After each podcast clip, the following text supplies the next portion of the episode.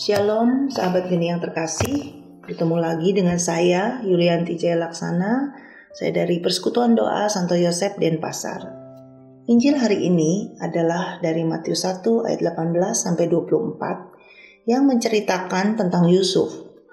Yusuf yang sudah bertunangan dengan Maria ternyata mengandung dari Roh Kudus. Situasi ini pada saat itu sungguh suatu keadaan yang sangat memalukan dan dianggap cemar Walaupun Yusuf, Yusuf orang yang tulus hati, namun dia tetap tidak bisa menerima hal ini. Dia akhirnya mencari jalan keluar menurut pikirannya sendiri, yaitu akan menceraikan Maria dengan diam-diam. Ternyata ini itu tidak sesuai dengan rencana Allah. Allah mempunyai rencana besar yang tidak diketahui Yusuf. Allah memberi pesan melalui malaikat dalam mimpi kepada Yusuf untuk menerima tugas mulia menjadi ayah bagi Yesus di dunia. Yusuf taat kepada Allah dan Yusuf terbuka kepada Roh Kudus sehingga peka menanggapi kehendak Allah.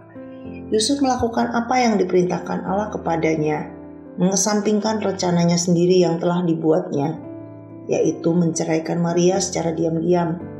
Akhirnya, Yusuf menikahi Maria dan membentuk keluarga kudus sesuai dengan rencana Allah. Sahabat geni yang terkasih, sekarang kita akan melihat ke dalam diri kita masing-masing. Apakah kita sering berada dalam situasi seperti Yusuf? Kita dalam keadaan menolak suatu keadaan. Kita mencari jalan keluar dengan rencana kita sendiri, dengan logika dunia kita. Apakah kita mencari jawaban persoalan kita kepada Allah? Karena seperti Yusuf, Allah ternyata mempunyai rencana yang lain. Ya. Mungkin Allah mempunyai rencana yang lain terhadap kita. Dan mungkin saja rencana itu adalah rencana besar keselamatan manusia. Pernahkah Anda berpikir bahwa kita juga mungkin bagian dari rencana tersebut? Sahabat geni yang terkasih, saya pernah dalam keadaan seperti Yusuf. Ketika suami saya terkena stroke, dan saya harus meneruskan perusahaan kami seorang diri. Mulailah saya membuat rencana secara manusia, yaitu saya dengan tenaga sendiri meneruskan perusahaan tersebut sesuai dengan tenaga saya, kemampuan saya, dan ingin membesarkan perusahaan saya.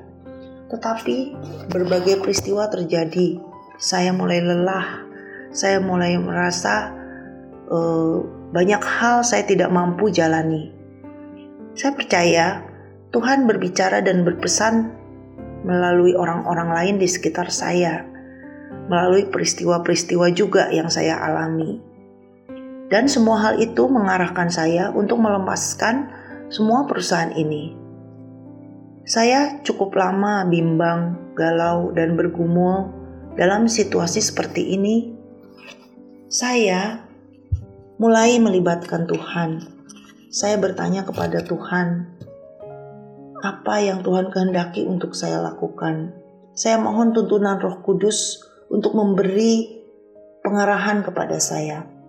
Dan jawabannya adalah Tuhan sebetulnya telah menyelamatkan saya. Dengan peristiwa ini, peristiwa suami saya sakit stroke ini cukup jelas bahwa Tuhan ingin saya melepaskan semua pekerjaan lama saya dan menginginkan saya menata hidup yang baru, menginginkan saya mempunyai pola pikir yang baru, menginginkan saya juga mengemban tugas yang baru. Akhirnya, saya melepaskan semua perusahaan saya, dan Tuhan memberi pekerjaan yang baru buat saya yang lebih sederhana dan memberi lebih banyak waktu kepada saya untuk tugas-tugas pelayanan, mewartakan kabar gembira Salah satunya seperti yang uh, saudara-saudari dengar pada saat ini. Dan juga saya terlibat dalam beberapa pelayanan yang lain uh, di dalam bidang yang lain juga.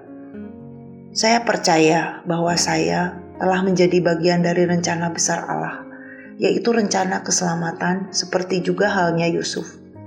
Sahabat geni yang terkasih, Marilah kita yang sedang dalam keadaan bimbang, galau, di persimpangan jalan, atau dalam keadaan situasi yang sulit, yang menekan, marilah kita terbuka kepada Roh Kudus, supaya kita peka terhadap kehendak Allah, supaya kita bisa mengerti apa yang Tuhan inginkan untuk kita.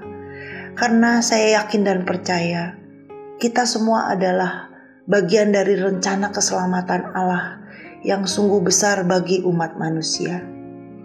Demikian sahabat geni yang terkasih, Tuhan memberkati kita semua. Amin.